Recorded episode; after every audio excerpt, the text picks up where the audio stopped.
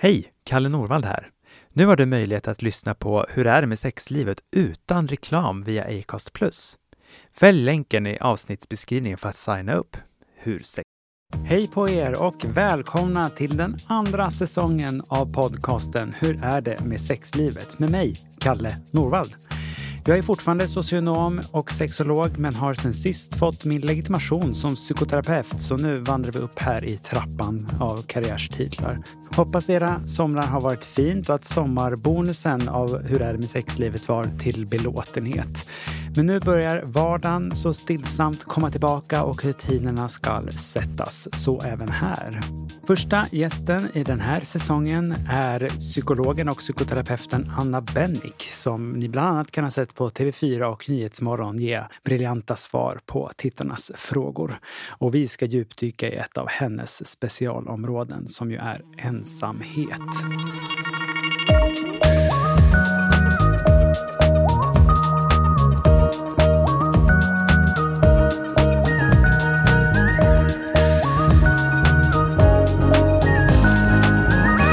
Hur är det med sexlivet med Kalle Nord? Life is full of what ifs. Some awesome, like what if AI could fold your laundry? And some, well, less awesome, like what if you have unexpected medical costs? United Healthcare can help get you covered with Health Protector Guard fixed indemnity insurance plans. They supplement your primary plan to help you manage out of pocket costs. No deductibles, no enrollment periods, and especially no more what ifs. Visit uh1.com to find the Health Protector Guard plan for you.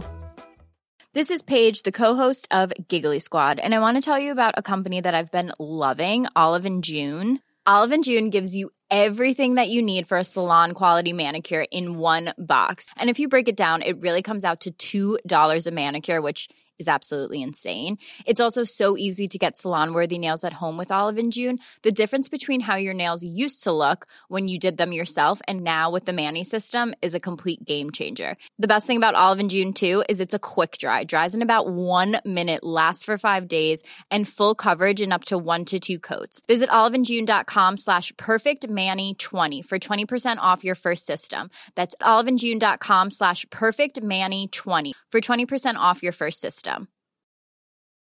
Many of us have those stubborn pounds that seem impossible to lose, no matter how good we eat or how hard we work out. My solution is PlushCare. PlushCare is a leading telehealth provider with doctors who are there for you day and night to partner with you in your weight loss journey. They can prescribe FDA-approved weight loss medications like Wagovi and Zepbound for those who qualify. Plus, they accept most insurance plans. To get started, visit plushcare.com slash weight loss. That's plushcare.com slash weight loss. Anna Bennick, Queen Bee of Psychology. Hur mår du idag? ja, det där lät ju snyggt. Ja, men det, det är ju du med. Passar. ja, det är bra tack. Hur är det själv? Men det är fint. Nu börjar hösten och Ja. rutinerna ska väl sätta sig igen på ett eller annat vis. Men sen när är du tillbaka då? Det här är min tredje arbetsvecka. Ja men bra, för det här är min andra. Det var så tur, tänkte jag, att inte vi sågs förra veckan. För jag jobbade så dåligt. Ja. Så det tar ju några dagar. Jag är helt säker på att nu är det kört. Nu, jag kan inte tänka en snabb tanke, jag kan inte göra någonting klokt. Det går inte att skriva och formulera sig Mm. alls. Nu är det kört. Men eh, Och vi det som tar ju jobbar några både dagar. med att tänka och att skriva. Ja, exakt. Det är ju så lite grann varje höst att det tar ett litet tag ju efter semestrarna att landa in i rutiner och, och så igen. Men vad bra att vi ändå ska ägna oss lite åt ett ämne som du kan ganska bra. Vi ska ju prata om ensamhet. Ja, Du har skrivit en bok om det bland annat. just det. Hur kom du in på det som ämne? Det var flera faktorer, men jag måste ändå säga att en av den mest utmärkande faktorn till att jag faktiskt började skriva boken, det var ju att jag arbetar i Nyhetsmorgon, TV4, och där tar upp lite olika ämnen då och då. Och jag tror att det var 2016 eller något sånt där som vi tog upp ämnet ofrivillig ensamhet första gången och började prata om det. Och eh, då brukar vi först prata lite om ämnet och sen kommer det tittarfrågor.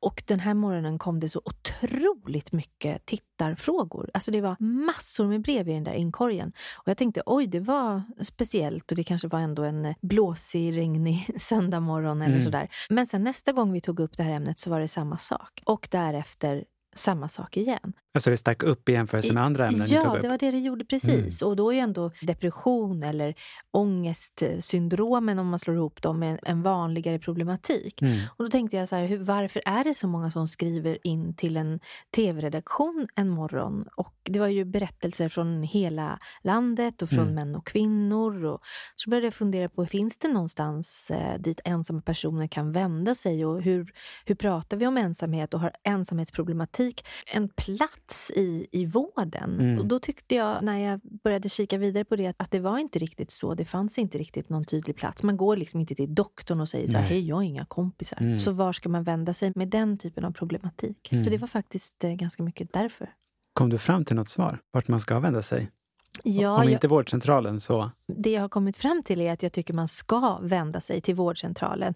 För om man Håller med. tittar på Mm. vilka konsekvenser ofrivillig ensamhet på lång sikt har, så är det samma negativa hälsoeffekter som de andra sakerna vi vänder oss till till vårdcentralen. Alltså om vi är deprimerade, eller om vi röker, eller om vi sitter väldigt, väldigt stilla, eller om vi inte sover, eller om vi är superstressade. Utöver benbrott och eh, olika virusinfektioner så vänder vi oss till vårdcentralen med också de frågorna. Mm. Men ingenstans tittar vi på när det kommer till socialt nätverk och det behöver ju ändras. Och jag tror att det håller på att ändras ju mer vi pratar om det. Jag tror att en Mm. pandemi med social isolering kan ha skyndat på det där lite grann. Men vi ska vända oss till vårdcentralen för att man är ju inte stark ensam. Men nu var det ju några år sedan jag jobbade inom regionsdriven vård, men då kommer jag ihåg att i journalanteckningarna, för er som inte jobbat på sjukhus, så finns det jättemånga rubriker som man Ja. så här, första besöket ska ta Ja, upp på ett eller det. annat vis. Och då fanns det en punkt som hette socialt nätverk. Det var ju bra. Men det var ju också så otroligt många rubriker, så det var ju väldigt många som liksom hoppade över Just vissa det. saker. Att det stod så här, med missbruk ej frågat, för att inte vara relevant för frågan till exempel. Ja. Och jag undrar hur det där har varit på vårdcentralerna, om det har funnits samma Mm. typ av rubriker där som i psykiatrin då till exempel. Nej, jag Eh, jobbar inom eftersom- specialistvård i och för sig, så det Ja, kanske just var det, annorlunda. specialistvård. Ja. Men de här stackars eh, läkarna på vårdcentralerna som Mm. har 20 minuter Ja, till varje patient och jättemånga patienter. Det är lite Precis. svårt att känna att man hinner med allt tror jag också. verkligen. Jag brukar ju lite särskilja på ensamhet och att vara själv. Mm. Just där som ensamhet är ofrivilligt, medan att vara själv är någonting valt. Just det. För jag menar att vara själv kan ju också vara otroligt skönt. Oh, ja men jag håller verkligen med dig om det. Det finns ju ingenting egentligen som kan mäta sig med, alltså när det kommer till återhämtning och att hinna liksom ikapp sig själv och att hinna tänka sina tankar färdigt och så, som att vara i, i Mm. ensamhet. Ensamhet är ju egentligen inget negativt tillstånd utan det är ju en beskrivning på att man är utan andra runt omkring sig och det kan ju vara fantastiskt och jättehärligt Mm. och det vet ju också vi med när man har, har små barn omkring sig Mm. hela tiden och gnetar på med någon partner eller två och har haft liksom mycket vänner, umgänge och kollegor som vill saker hela tiden. Att vara i avskildhet från andra kan vara Mm. väldigt, väldigt härligt. Och sen är det olika då. Jag är lite sämre på det än vad du är till exempel och jag ska lära mig från dig lite mer. Och jag får träna mig. Men det är ju just den där ensamheten när vi inte längre vill vara Mm. i ensamhet men inte kan Mm. välja bort den. Det går inte att återvända till flocken. Det går inte att ringa till någon och eh, säga nu behöver jag någon som kan lyssna och sådär. Den blir ju förödande med tiden. Ja, för det är väl en skillnad då på ensamhet och att vara själv. När man är själv kan man ta upp telefonen och det inte är något stort aber att höra av sig. Ja men precis, men när man saknar nätverk det är då ensamhet riskerar att faktiskt bli skadligt Mm. över tid. Då. Men du pratar också i din bok eh, om att vara ensam även fast man har folk omkring sig. Det tycker jag är väldigt spännande. Delvis för att det är också ett tema som väldigt många i min parterapeutiska verksamhet kommer att säga så här, men jag känner mig så otroligt ensam fast jag har min partner bredvid mig Ja. hela tiden. Ja.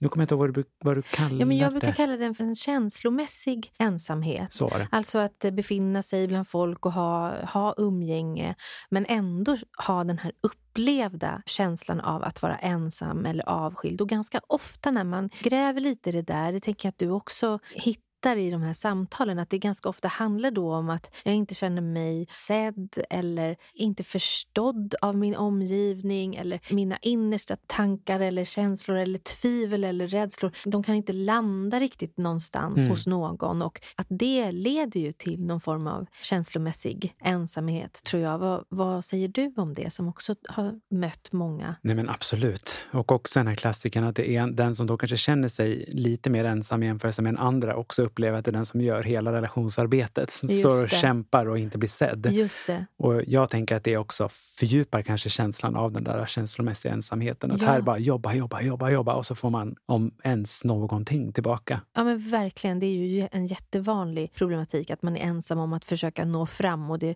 faller platt mm. varje gång. Liksom. Sen kan det också handla om att vad man också har med sig. Hur har man blivit bemött? Har man blivit mött med respekt? Har man ja. blivit lyssnad på?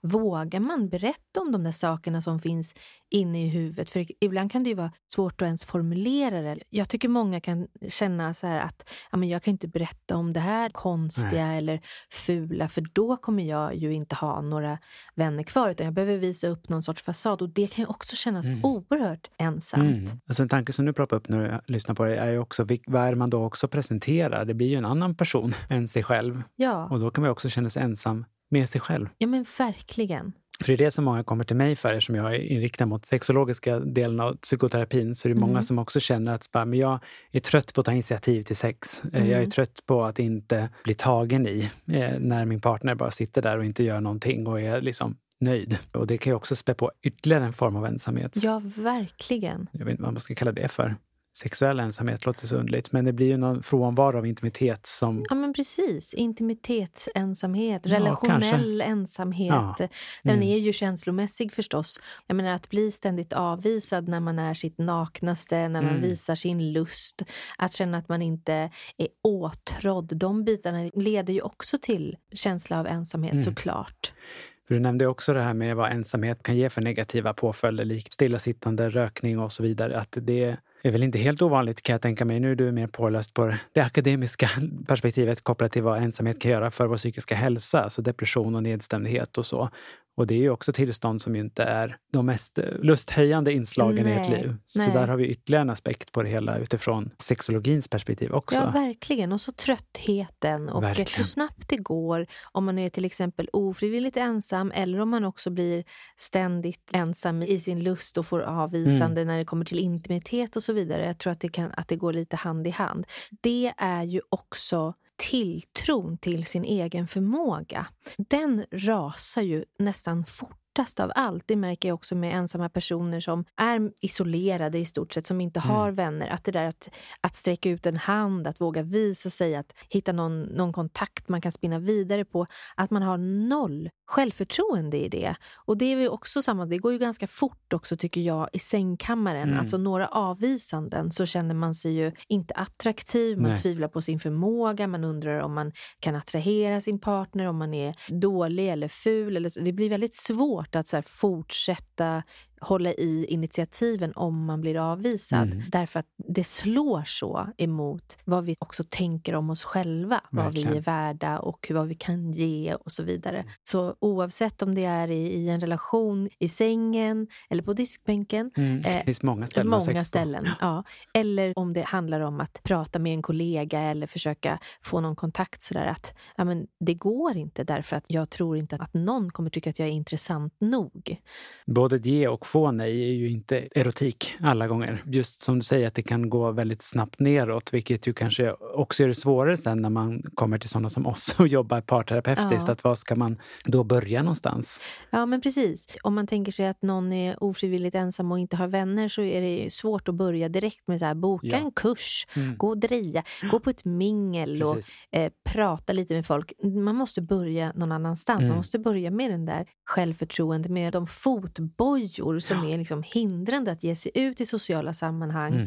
Och i relationer när det kommer till eh, när sexet helt har gått i stå och man har fått många avvisanden. Att det inte bara är så här, ja men börja med en liten rollspel. Utan att man måste börja liksom innan det. Ja. Och liksom bygga och, Mm. och ge lite verktyg till att våga mötas, våga öppna, ha, ha en blick på varandra och Mm. våga visa sig överhuvudtaget. Precis, och jag tänker att det är verkligen också inspirerat av det som du skriver om i din bok. Just det här med att börja med det inre någonstans innan man börjar med det andra. Men jag tänker att det kan man också ta inspiration av i den relationella ensamheten. Ja. Så länge det finns en ömsesidighet att vilja jobba med den. Så jag att göra det som är stillsamt lustfyllt tillsammans, som inte behöver vara sexkursen då, eller något Nej, sånt, utan det. att men kanske göra någonting som man tyckte var kul i början av relationen för att på så sätt bygga upp det igen. Och inte tänka sig, nu ska vi hitta tillbaka till exakt det vi hade då, utan nu ska vi hitta något nytt. Ja, men åh, det var en bra formulering. Den har jag sugit på länge. Ja, men Ja. Den tycker jag var jättebra. Att inte gå tillbaka till det som kändes svårt att, att prata om. Och, och Mm. blicka bak. Man kan ju behöva förstås prata om det, men Ja. man eh, hittar en ny riktning. Det Mm. är på något sätt lite lättare att, kliva in i det där lite nya än att Ja. ramla tillbaka. Det var en bra jag formulering. tänker- Den ska jag sno. Ja, snor den. Du får den helt gratis. Jag tänker att det kan finnas en risk i att liksom hamna i någon sån här tvångsmässig nostalgi ibland. Mm. Eh, att man tänker nu ska vi tillbaka till exakt det vi hade då. Men det var ju då. Så att hitta något nytt idag. När vi ändå är inne på det här med relationell ensamhet. Du har ju skrivit ytterligare en bok eh, om skilsmässa. Och Ja, jag tänker att, eh, eller jag, jag vet att många känner sig otroligt ensamma efter en separation eller en skilsmässa också. ja, usch ja. Verkligen. Och då handlar ju oftast inte det bara om att nu har jag inte längre en partner som Nej. har funnits vid min sida. Utan att det också handlar om att hela marken är bortryckt under Mm. fötterna. Om man har barn så ska man stå ut med att de inte finns, ofta i alla fall då hela tiden. Och om man har dem hela tiden så är man otroligt ensam om precis alla beslut och alla göromål och allting. Det kan också kännas oerhört ensamt. Men Eller dåligt där- samvete när de är Ja. hos den andra föräldern. Man tycker att det är lite skönt. Åh gud, ja. Mm. Verkligen dåligt samvete över det också. Ja, men det är så komplext och svårt att separera. Och ganska mycket så tror jag ensamheten också handlar om att vem är jag nu när jag inte längre lever på det här viset? Och Mm. Oftast så är det ju i en norm eh, och där man liksom kan spegla sig i varandra och i sin omgivning och så vidare. Och så plötsligt är det någonting annat och innan man hittar den där stabiliteten under fötterna, nya konstellationer att eh, ja, jämföra sig med och nya sätt att leva. Eller om, man, om det också handlar om att man hamnar sen i en ny förälskelse eller Mm. sådär. Som ju är allt annat än ensamt oftast.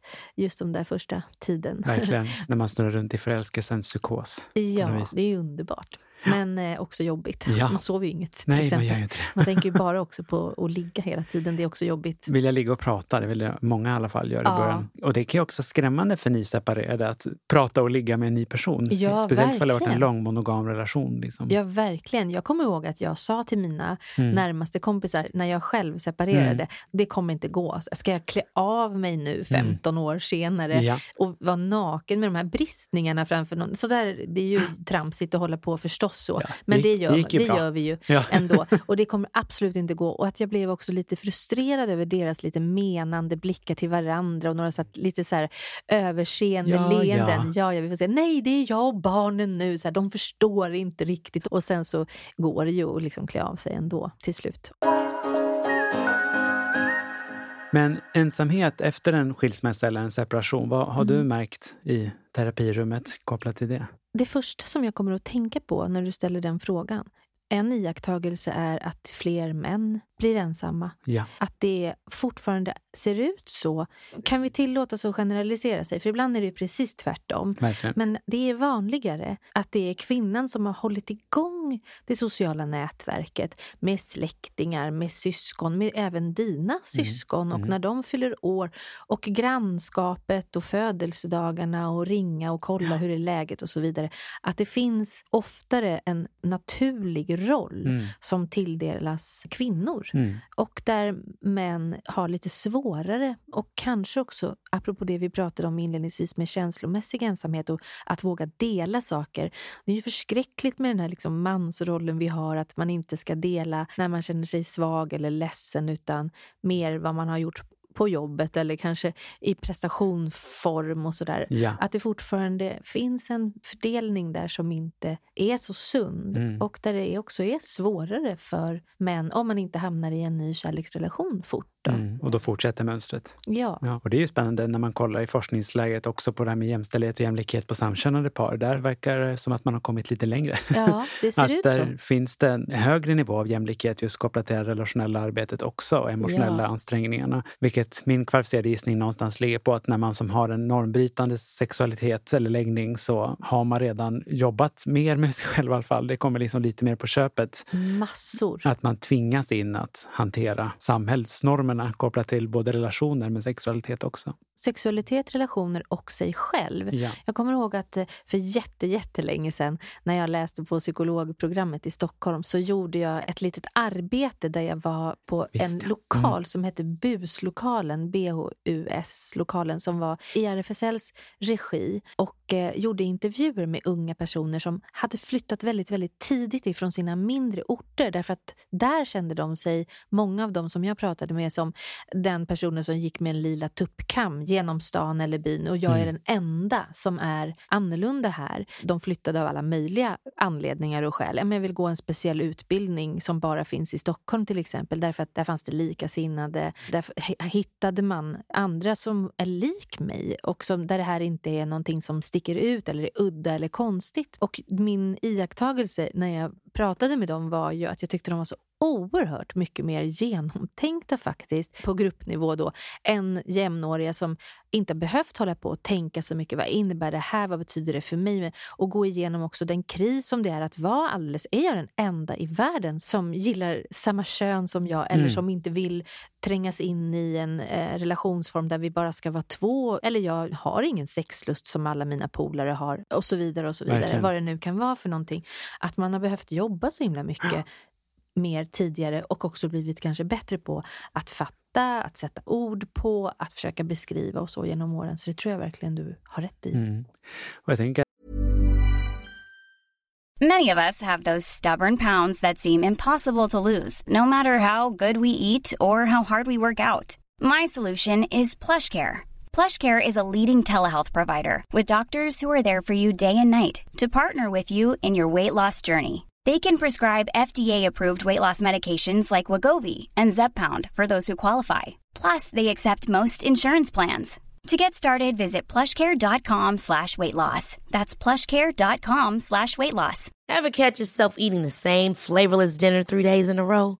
Dreaming of something better? Well, HelloFresh is your guilt-free dream come true, baby. It's me, Gigi Palmer.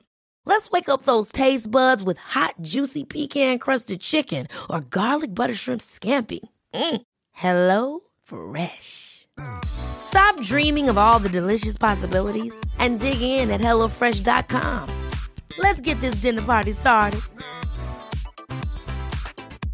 There's never been a faster or easier way to start your weight loss journey than with PlushCare.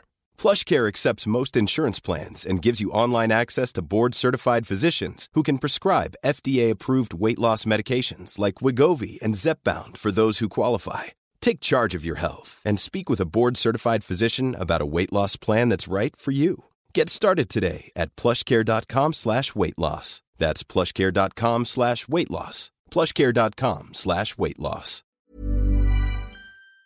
Att det är också ytterligare en till dimension på den jag vet, sexologiska ensamheten. Just när man upplever att man är i alla fall man tänker sig, sen behöver det inte alltid vara sanningen, men att man tänker sig att man är den enda i, i sitt samhälle där man bryter mot de här normerna som du exemplifierade. Och vad det också kan göra med vår hälsa. Mm. Alltså, speciellt i ungdomsåren så är vi ju väldigt fokuserade på att vara som många andra. Ja, det är det enda som är viktigt. Om man hittar sin flock någonstans. Ja. I vår värld så, som terapeuter här är det en fördel att prata lite med sig själv och kolla inåt och rannsaka sig själv. Men ifall man upplever att man är den enda som är på det viset så blir det ju ytterligare en dimension på ensamheten. Att vem ska vara i min flock? Vem Ja. ska backa mig och vem ska jag få backa? Ja, och jag har nog ingen. Och jag Nej. tänker också på så himla många som har liksom tryckt bort det där då. Ja. Det här kan inte jag hålla på med utan nu, nu kör jag på det här spåret. Och, och det här kommer aldrig min familj acceptera. Mm. Eller jag, jag hittar ingen jag kan prata om med det här. Och det är ju förskräckligt att jag har träffat eh, personer som är liksom eh, i 60-årsåldern och i Mm. 70-årsåldern och som har kommit ut då Ja. och har alltid vetat och har familj och har, och har inte mått bra, har känt sig distanserad ifrån alla andra och alienerad också. Vilket ju har lett också till sämre mående, perioder av depressivitet och så vidare. Så att, eh, Och den där typen av liksom långvarig dåligt mående gör ju också att vi blir mer infektionskänsliga. Så vi kan ju också bli mer fysiskt sjuka av att trycka ner det där. Ja, verkligen. Det är mycket som hänger ihop med vårt immunförsvar, så är det ju. Jag tänker på en person som jag hade i samtal, nu är det ganska länge sedan, men den personen hade varit i en tvåsam relation eh, och visste att han var homosexuell. Men han och hans fru då hade kommit över, alltså visste om det, kommit överens om att så länge barnen är barn så ska han inte agera ut det. Sen så höll beslutet i sig lite längre än vad de hade tänkt. Så han kom inte ut förrän han blev enkling. Nej. Eh, Och då blomstrade hans liv på ett sätt. Men då fick han dåligt samvete för att han på något sätt vanhedrade sin fru.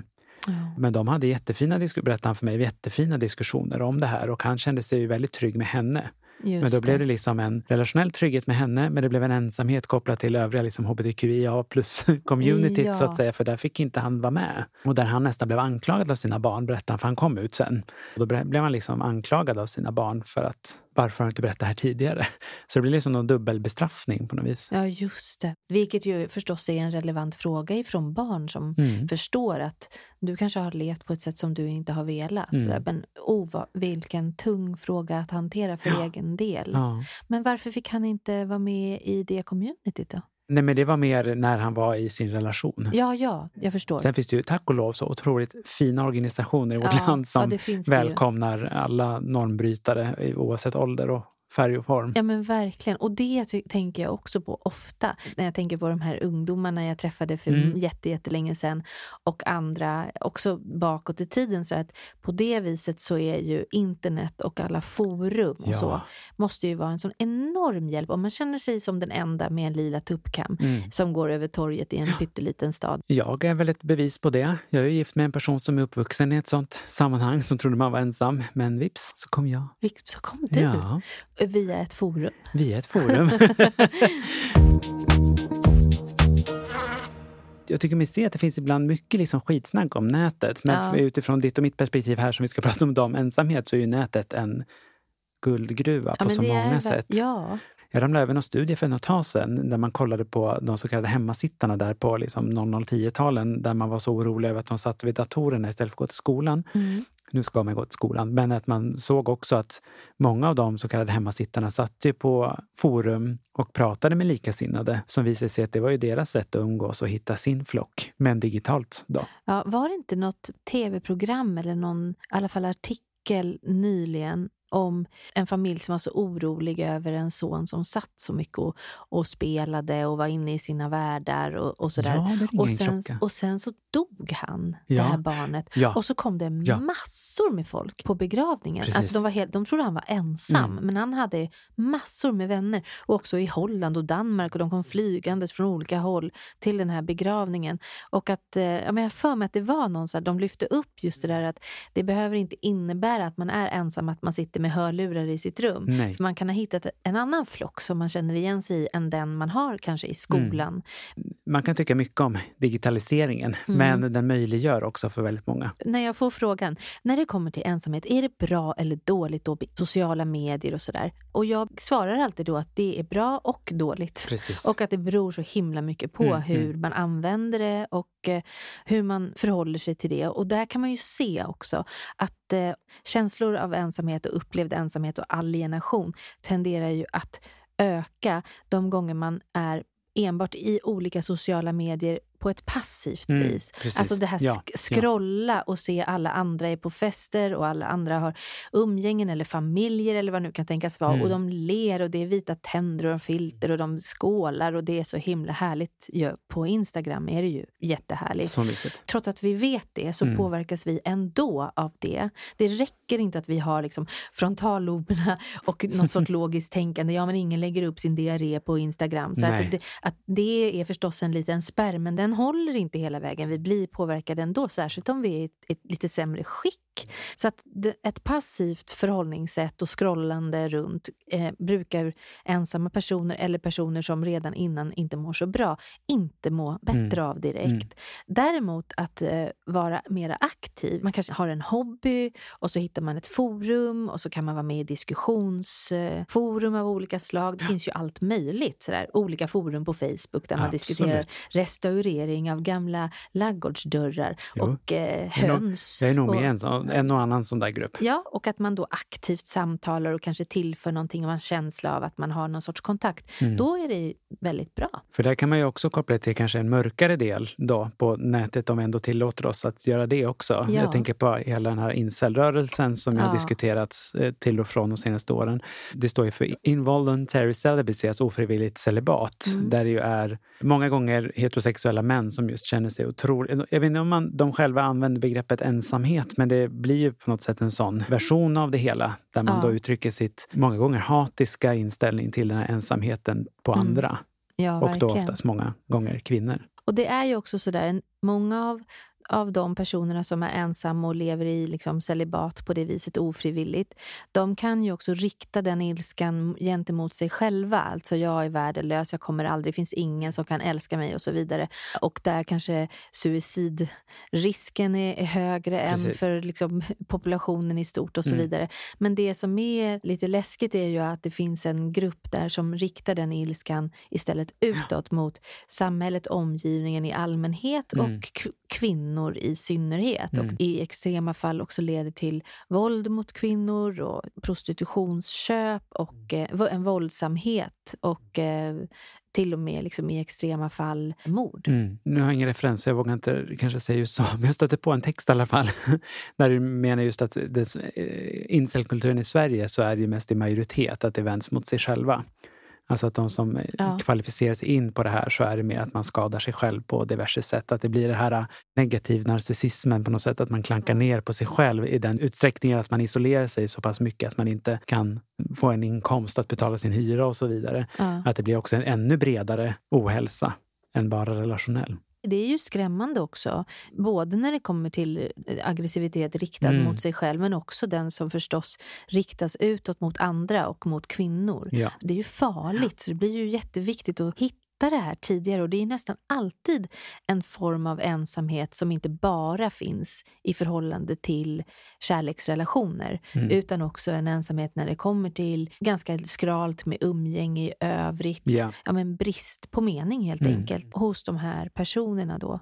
Eh, och så är det ju förstås inte för alla, Nej. men eh, i vissa fall. Och hur ska vi bryta det tidigare? Jag brukar tänka på det också ibland när man, eh, alltså skolskjutningar och andra våldsbrott, Mm. liksom, där man har riktat den här aggressiviteten utåt mot samhället. Att eh, det är ju nästan alltid väldigt ensamma personer som är Verkligen. ja, men utstötta, har var, ofta varit mobbade, har inte mycket vänner och att vi måste tidigt se det som en risk för att liksom skydda också förstås personerna själva men också eh, omgivningen, Mm, mm. Eh, samhället, personer och kvinnor som de sen skadar.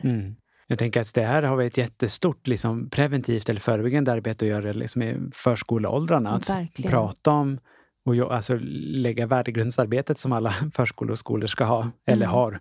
Att vi kan göra ett jättearbete på det. Jag tänker Mm. också kopplat till ensamhet i större bemärkelse också. Att inte bara, nu pratar vi mycket liksom relation till sig själv och till en eventuell partner, men jag tänker ju också kompisar och familjemedlemmar och så. Att vi hjälps åt att se värdet av relationer i en bredare perspektiv också. Ja, verkligen. För då kommer vi ju kunna göra världen till en vackrare plats, men också att de här våldsdåden inte äger rum i samma utsträckning som det utvecklas. Nej, och det är säkert en utopi att tänka att man ska komma åt precis allt det. Men, Nej, ja, ja. men att, tänka att, min, tänka att kunna Minska. minska, det lite Dröm. grann.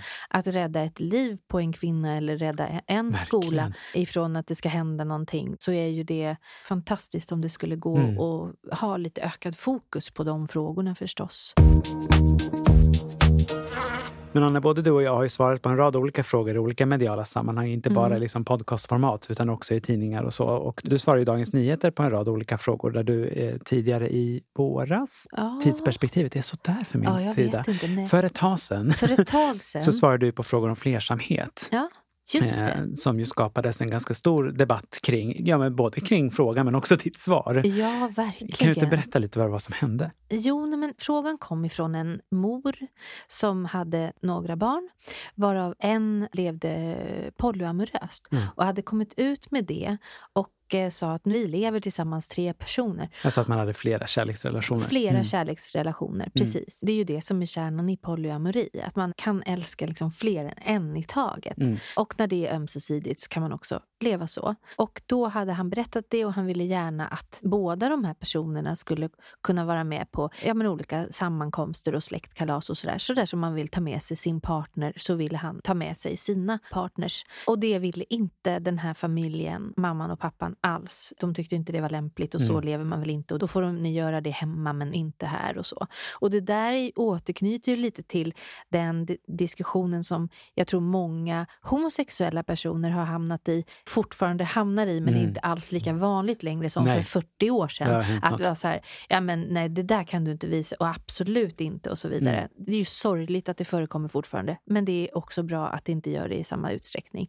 Mitt svar var väl snarare att ja, men jag kan förstå det här, att det känns eh, annorlunda och svårt, men det som hon var orolig över var ju att det här barnet inte kom längre. Mm. Och att de inte skulle få träffa sina barnbarn. Ja. Det fanns också ett syskon som ställde sig på den här barnets sida och att, ja, men att det inte skulle komma några tillbaka hem till dem och, och leda till ökad ensamhet. Och det, det vet ju både du och jag som jobbar med relationer att trasiga nära relationer ställde till det väldigt mycket. Så fokus i den här frågan var ju snarare att hitta en acceptans för det här, Precis. att eh, ja, men acceptera. Har man kommit ut på det här viset så har man tänkt många varv och bestämt sig. Det precis. kommer knappast vara så att man går tillbaka in i garderoben och bara tar med sig den ena eller den första eller vem det nu är man ska ha med sig. Så det låter som att du gick i linje med evidensbaserad vård.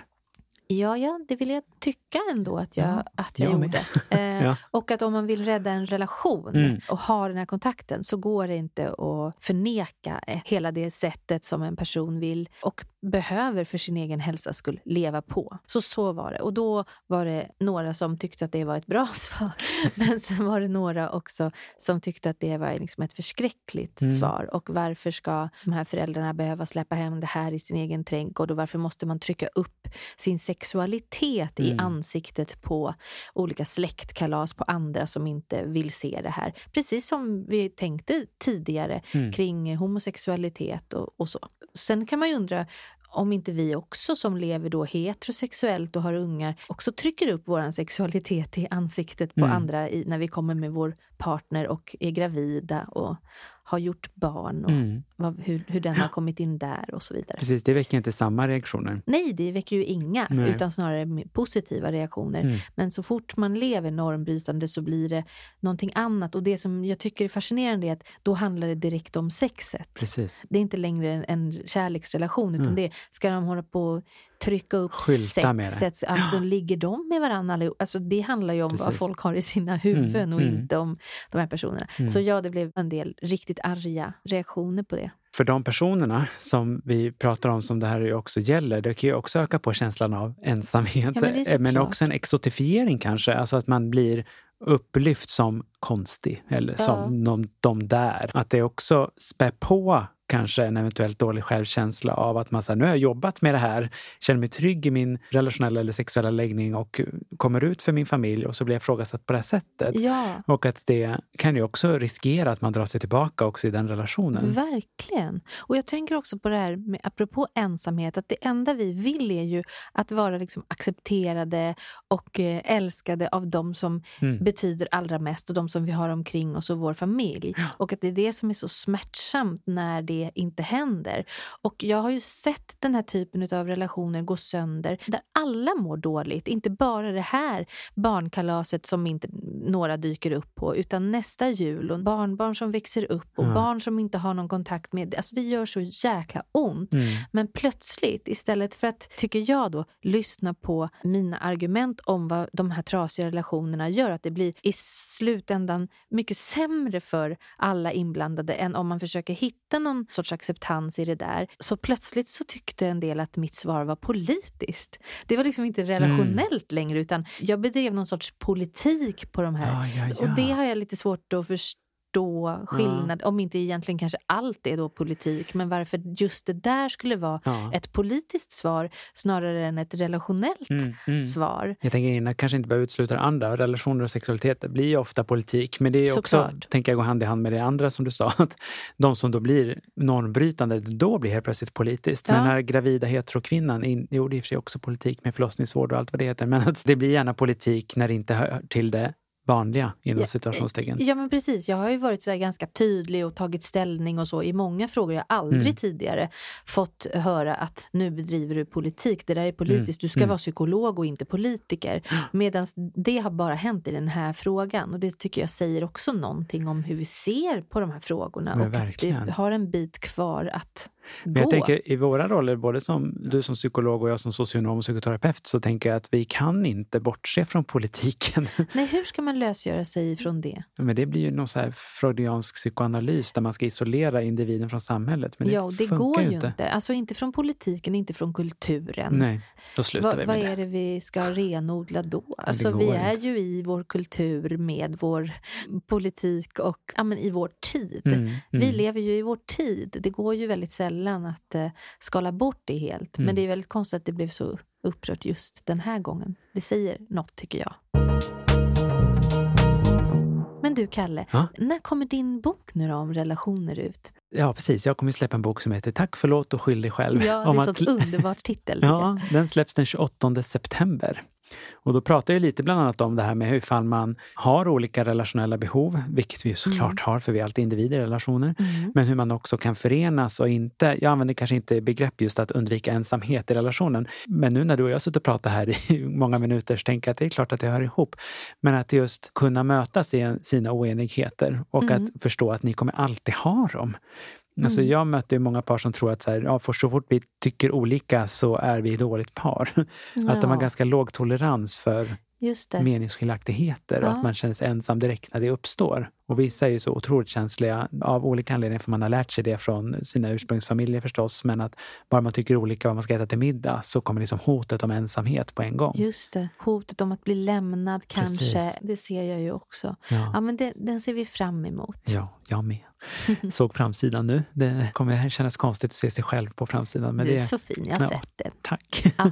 vad har du på G nu då, framåt? Jag ska också skriva en ny bok. Mm. Och jag har lite också andra projekt. Fortsätter med tidningarna Bra. och fortsätter med lite texter här och var och med föreläsningar och med mottagningen som jag har här i Gamla stan i Stockholm. Fast i ganska liten skala under hösten eftersom jag ska skriva så pass mycket. Men eh, det får vi återkomma till den boken. Ja, det får vi absolut göra. Det, jag vet ju vad den handlar om, så jag tänker att det kan ju också bli ett avsnitt bara här, rakt ja, upp och ner också. det tycker jag. To be continued. Puss och kram. Kram. Nu kommer en lyssnarfråga.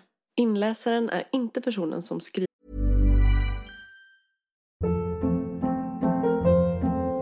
Hold up. What was that? Boring. No flavor. That was as bad as those leftovers you ate all week. Kiki Palmer here, and it's time to say hello to something fresh and guilt-free. Hello Fresh. Jazz up dinner with pecan-crusted chicken or garlic butter shrimp scampi. Now that's music to my mouth. Hello Fresh. Let's get this dinner party started. Discover all the delicious possibilities at hellofresh.com. frågan. Hej! Tack för en bra och viktig podd. Kan du ta upp utmattning och stress? Vilken effekt det tillståndet har på sexlivet? Och hur kan man komma tillbaka till sin lust vid utmattning och stress? Jättesvårt, även när man börjar komma tillbaka. Tusen tack för din fråga. En fråga som väldigt många går omkring och förlurar på hur man ska göra. Lusten till sexualitet och intimitet, den går ju verkligen upp och ner genom hela livet. Och har man en period i livet som just präglas mer av stress i jämförelse med annat, så är det faktiskt inte så otroligt konstigt att just sexlusten blir lägre. Det är ju så att stressreaktioner i våra kroppar, det är faktiskt ganska få personer som blir just kåta av stress. Att stress påverkar sexlusten är någonting som är oerhört vanligt. En långvarig stressreaktion det påverkar kroppen både fysiskt och psykiskt och förstås också sexologiskt. När man inte har tid till närhet och intimitet så är det klart att det inte heller prioriteras för att stress hjälper oss ju också att fokusera på det som behövs göras just då. Att det är just sexlusten som försvinner vid stressiga perioder är egentligen kanske mer som ett kvitto på att du är typ psykiskt frisk. För när vi är stressade så behöver vi ha fokus på någonting annat. Men, och det är ett stort men, när det är långvarig stress och vi påverkas mer och mer negativt av detta så lurar vi lite kroppen och psyket på att vi fortfarande måste vara stressade, fast det vi var stressade över förut kanske inte ens finns kvar. Så hur ska vi då få tillbaka lusten igen efter de här stressade perioderna? Ja, men delvis kanske man behöver jobba med det som först skapade stressmomentet förstås. Det kan också vara bra att därefter sysselsätta sig med mer positiva tankar om sex. Det är ju inte för intet som vi pratar om att hjärnan är den mest erogena zonen. Så att börja fantisera om sexualitet, kanske om du har en partner eller fler, dela med dig av de här tankarna kring vad du skulle vilja göra sexuellt och kanske också börja fantisera om när det skulle kunna äga rum. Men att trigga igång eh, liksom erotiken i kroppen så är hjärnan det absolut första man ska starta med. Sen vet vi också enligt både studier och många kliniska erfarenheter härifrån, eh, från min mottagning, att självsex också är en positiv grej. Det gör man förstås inte på min klinik, utan det får man göra hemma. För när man börjar ta på sig själv och bli sexuell i sig själv så ökar sannolikheten att man också är det med någon annan. Men sen är det också så att sex är inte livsviktigt i alla perioder. Ibland kan det också vara skönt att pausa det för att ta hand om det som stressar dig. Utan det är ju när det skapar ett lidande som det är dags att göra någon form av förändring. Stort lycka till och ta hand om dig. Så där hörni, då är vi igång med andra säsongen av Hur är det med sexlivet med mig, Kalle Norvald. Är det så att du har någon fundering eller fråga som du skulle vilja ha mina reflektioner kring så är du välkommen att eh, höra av dig. Spela då gärna in din fråga i en liten ljudapplikation på telefonen och mejla den till hurardetmedsexlivet gmail.com. Ta hand om er, puss och kram så ses vi och hörs vi igen nästa vecka.